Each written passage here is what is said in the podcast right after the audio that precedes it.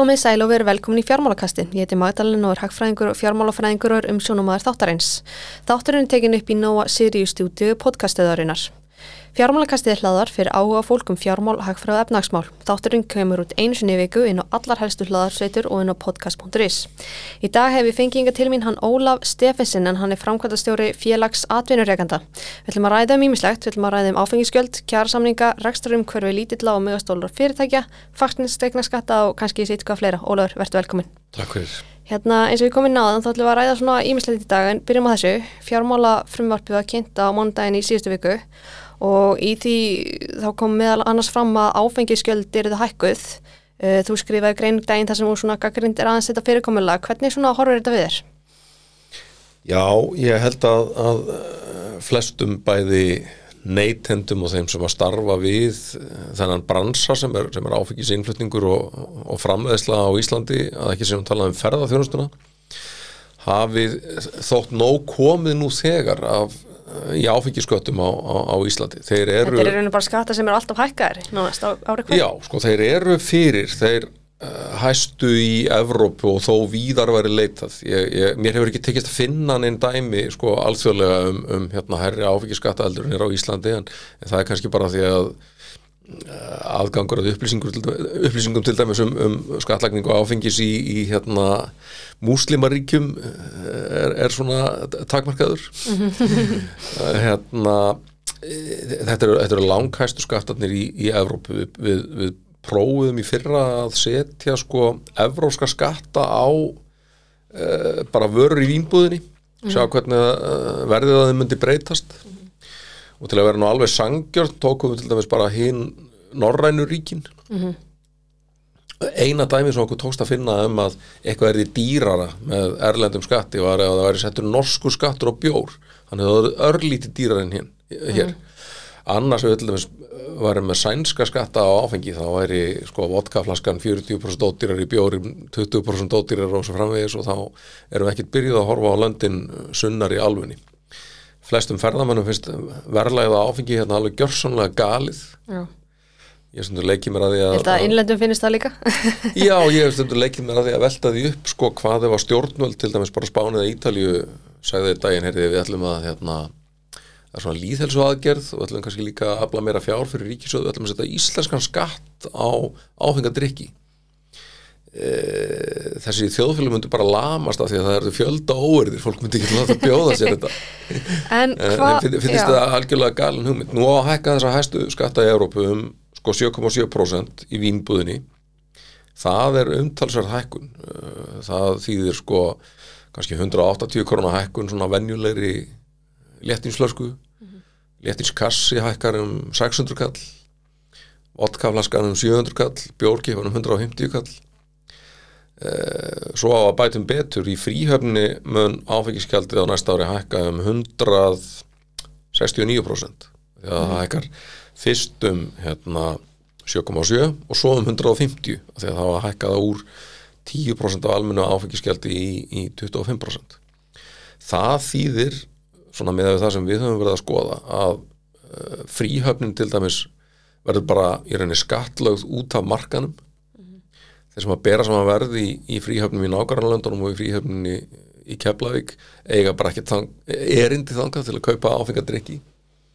Það mun koma illa niður á uh, litlum innlendur framleiðendum sérstaklega á sterkum drykkjum sem að selja stóran hluta af sinni framleiðslu í, í fríhöfni.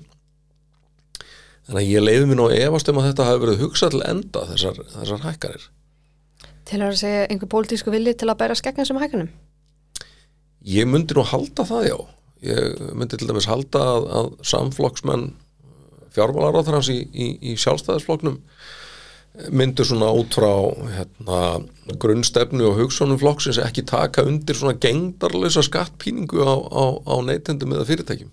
Nei, nei, nei, mitt, en hvað en svona mað, hva, maður veit ekki þeir hafa verið, verið einkennilega þöglir undanfærin ár þegar, að- þegar að þessi skattar hafa verið hækkaðir trekk í trekk einmitt, en svona hvað veldur? Akkur er þetta skattlagt svona mikið hér á landa þínu mati en ekki í nákvæmlega ríkinu? Við höfum bara aldrei fengið neinar góðar skýringar á því. Eh, Við höfum stundum spurt stjórnmálamennina og, og það kom engin svör. En það eru engin augljós rök fyrir því að hafa þessa skatta svona miklu herri hér en í, en í ríkjónum í kringum okkur Einmitt, einmitt. En það var nýmislega annað sem kom fram í fjármálarfrumvarpinu. Var eitthvað annað sem var gagninsvert á þínu mati? Já, sko, við út af fyrir sig fagnum því að aðhaldi í ríkis fjármálunum sé aukið. Við hefðum mm. mögulega viljað kannski að það gerðist með, með meiri niðurskurði á uh, ríkisbagninu. Mm. Við sáum núna í, í vikunni tölur til þessum fjölgun ríkistarfsmanna sem að benda til þess að, að að vöxtur þess sé svona bísna hömlulegs og svo náttúrulega lístum við mikill í förðu á hækkun á sko, jú, áfengissköttunum og öðrum svona krónutölugjöldum mm. eins og hérna tóparskjaldinu og uh, gjöldum ekki síst á, á eldsneiti og vörugjöldum á bifriðar þetta uh, sko yfirlýst markmið frumarsins er að vinna gegn verðbólgunni, þetta vinnur ekki gegn verðbólgu. Þetta augljóslega bætir í hana mm -hmm. uh, af því að þetta hækkar verða á, á, á nesluvörum til almennings. Og uh, eldsneitt þessu bifræðarkostnæðin þegar hann hækkar þá hækkar líka flutnings- og dreifingarkostnæði fyrirtækja mm -hmm. sem síðan er, er aftur líklega til að setja þrýsting á verðlæð þannig að, að, að þann part af frumvarpinu eigum við satt að segja er upp með að skilja Emitt, emitt. En jæna, nú ertu frangatastjóri félagstatvinnu reykjanda, er svona eitthvað sem stjórnvöld gættu að þínum að þið gerst, kannski fyrir utan þetta, e, til þess að bæta svona rekstur umhverfi lítill á meðalstóra fyrirtækja? Það er náttúrulega uh, gríðarlega margt. Uh, við höfum beitt okkur fyrir uh, sko, einföldun regluverks og stjórnvöld svona í, í orði hverðinu hafa tekið undir það Já, það er eh, alltaf verið að tala um að það sé verið ennfælda regluverk, en já, er það, það í raun eða? Það er gætna verið að fella úr gild einhverja gamla reglugerðir og svona sem að kannski skiptu einhver máli, máli lengur. Nei.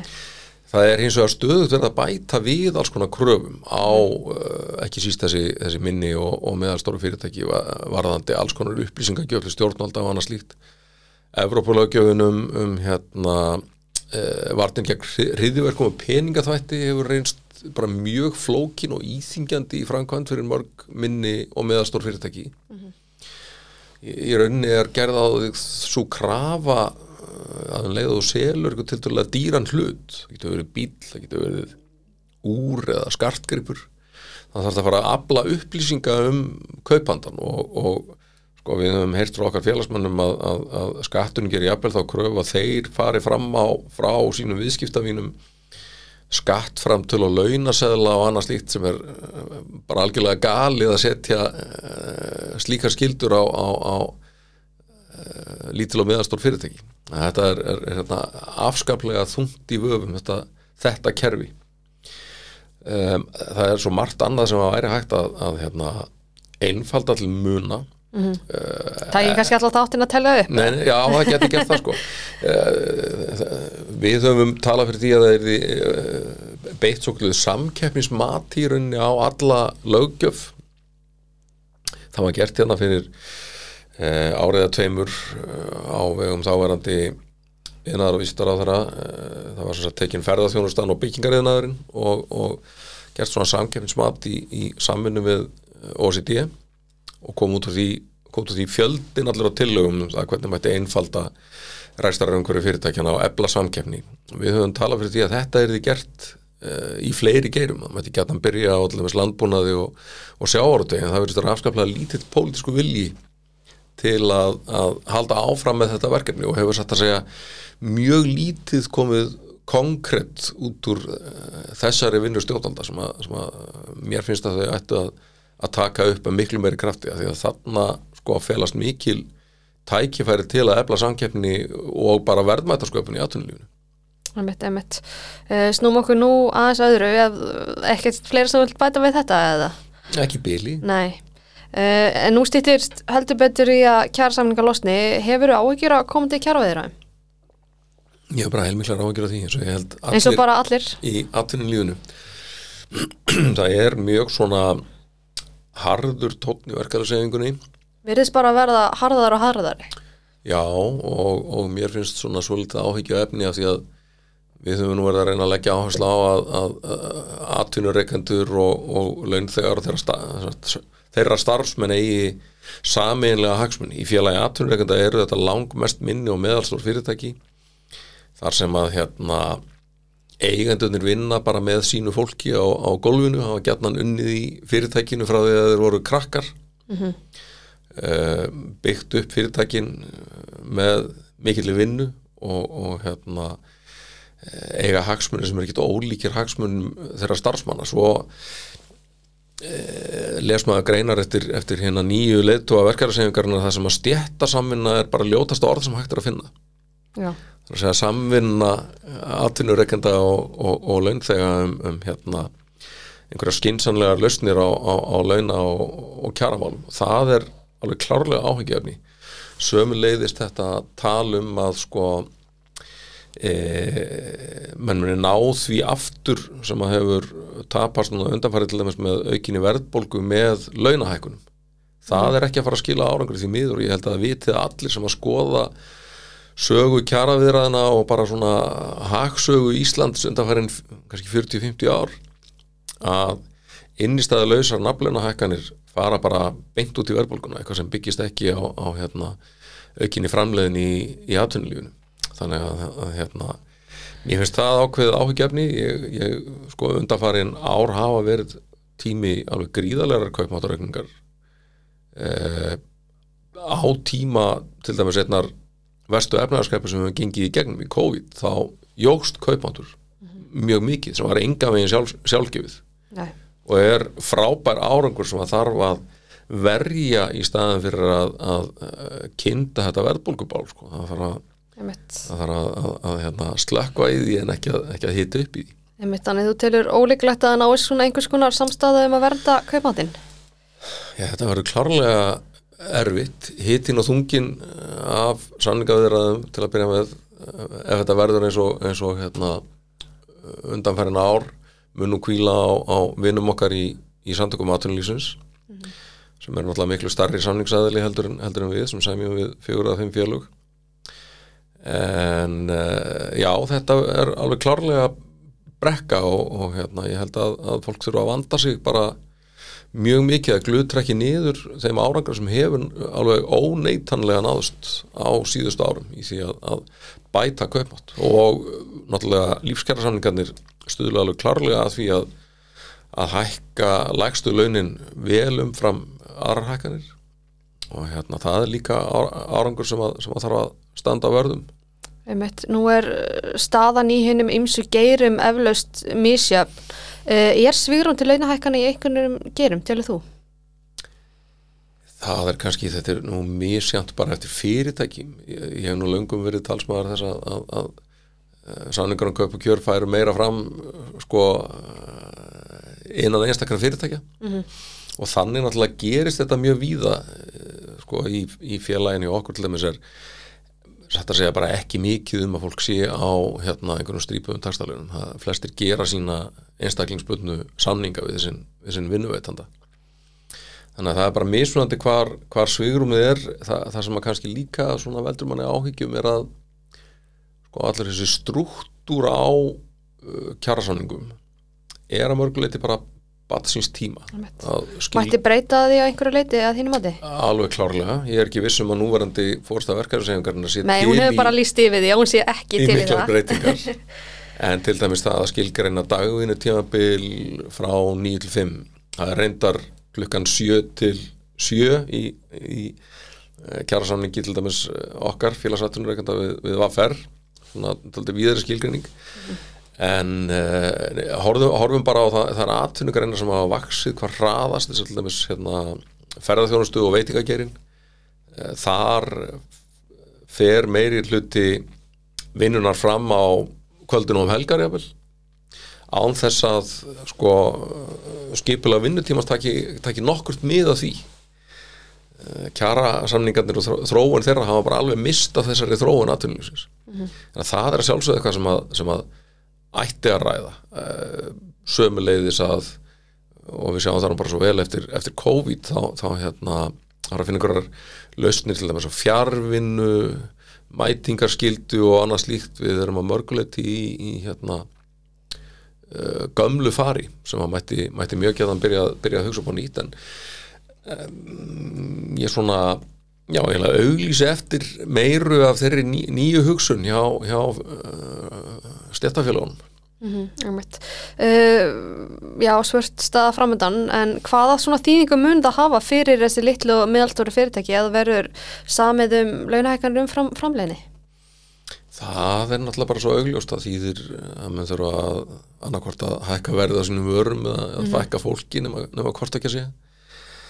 En um, við höfum nú svona viðröðum í í sumar að þess áhyggjur á því sko að, að hérna, aðteglinn beinist vissulega að stærstu fyrirtækjum þau eru skráða markaði mörg hver uh, upplýsingar um til dæmis launakjör stjórnenda og annað slíkt uh, ofinberar og þegar að er verið að semja við stjórnendur um til dæmis sko launahækkanir sem eru jafnvel markfaldar uh, hækkanir mannsins á golfinu þá leipir það sjálfsögðu ítlu blóði í, í stjættafélagin og menn mæta þá til leiks með kröfur upp á launahækkanir sem að, sem að hérna, litlu og meðalstóru fyrirtekin ráð ekki við.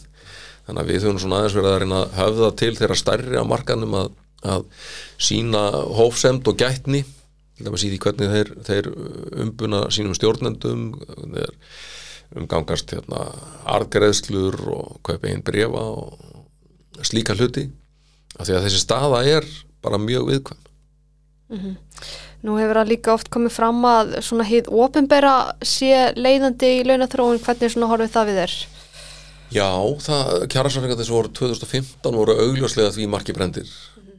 að um, það verður rauninni bara búið að stilla almennavarkanum upp í vegg með, með hérna, allt og miklum launahækunum ofinbera starfsmanna það svona, við getum sagt að það mál hafi sloppið fyrir hotn eh, vegna þess að hlutirnir fjallu með okkur í, í svona alþjóðlegri hagþróun. Vexti, vextur ferðarþjónustunar hér til dæmis spilaði þar stóra rullu. E, í lífskjærasamningunum sem voru gerðir hérna fyrir, fyrir hvað, þreymur árum að þarum bil e, var leitast við að almennumarkaðurinn er er því leiðandi og hefur ofnbæra kemur fylgta á eftir. Það var samið um vinnutímastetningu í, í hérna á almennumarkaðunum ofnbjörn starfsmennandi komið síðan á eftir þar var líka samið um vinnutíma styrtingu sem að átti ekki að kosta neitt auðkallega en reynslan hefur bara sínt að hún kostar mjög mikið. Uh, hún hefur reynst miklu ríflegri heldur en á almennamarkanum uh, eh, menn að fá styrtingu upp á kannski hérna sko einhverja fjórar klukkstundur á viku í staðin fyrir hérna nýju mínútur á dag sem að hafa verið að fá á, á, á almennamarkanum í svömmum samningum. E, sömstaðar er þetta þannig að við, það hefur sko í framkvæmdini e, vinnudagurinn verið stittur án þessa matar og kaffetímandir sem átt að stittast eða þetta út geri það. E, í vaktafvinnustjættunum hjá hann ofnbæra hefur náttúrulega vinnustýttingin búið til gríðarlega mannablaþörf með tilhörnandi kostnaði. Þannig að þarna hefur verið að auka launakostnað og, og, og ríkja og sveitafélag að ganga undan í því. Að sjálfsögðu kemur síðan hérna, verkefælisefingin á almennamarkanum og segir við viljum bara fá það sama. Þannig að þetta kann klárlega ekki góður lykku að stýra. Það, það, það verður að vera almenni geirin sem að, sem að leiðir launahækkarinnar því að það er nú bara þannig að að tekjurnar af atvinnustarfsemi á vegum enga fyrirtækja standa undir hennum ofnbæra rekstri. Það eru sömur sem þykjast ekki skilja það en þannig er það. Og það verður að vera enga gerin sem, sem leiðir launathróun í landinu. Klárlega, hérna en setjum punktin hér við umræðanum kjaramál og snúum okkur aðeins að ræða um uh, svona hýna þægilegu tekjulind sveitafélagana, fasteignaskattana uh, þú hefur verið svona gaggrinin á það gegn tíðina, svona hvernig horfur þetta fyrirkomulega við þér? Já, það er nú ímislegt um það að segja sko tekjur sveitarfélagana af uh, hérna uh, fasteignarsköttum og atvinnuhúsnaði hækkuðu um 70% uh, á árunum 2015 til 2021 ég hef gætna með við 2015 þegar það var núverandi tekjumats aðferð uh, tekin upp við, við fasteignamat atvinnuhúsnaðis eh, ef við tökum síðan uh, það sem er í, í, í pípunum þá sýnist mér að á þessu ári nefið hækkunum frá 2015 svona 85-6% og þetta er náttúrulega langt umfram sko verðlag, launathróun og, og annað slíkt. Uh, einfallega komið til vegna svona ákveðinar bólu á fastegnamarkaði það má halda því fram að að stefna sveitafélagana um að, að hérna e, svona halda að takmarka lóðaframbóð sem hefur síðan aftur hækkað fastegnaverð e, stuðli að því að, að e, þessi skattur skili þeim meiru í tekjur. Og við skulum sko hafa það í huga að, hérna þessar hækkanir koma til þrátt fyrir hækka, læ- lækkanir sumra sveitafélaga á skattprósentunni. Þannig að þetta er augljóslega komið út úr öllu korti. Eh, það er hægt að svona byðla til sveitafélagana eins og við gerum nú á hverju ári að lækka álagningarprósentuna á móti þessum óbáslegu hækkunum á fastegnamatinu sumir verða við því, aðrir ekki. Niðurstaðan er eiginlega alltaf að það kemur svo lítið meira í kassan heldur en að það hefði heldur en að ge- gerði það á síðasta ári þrátt fyrir breytingar á, á álagningarprósentu Bara hjá öllum setjafélunum með Eh, Já, já, það eru svona, það er eitt og eitt dæmi um að, sem- hefur re- rekist á um að, um að tekið ára fastina sköttum átunum húsnaði hafi dreigist saman á milli ára en þau eru, eru afskaplega að fá.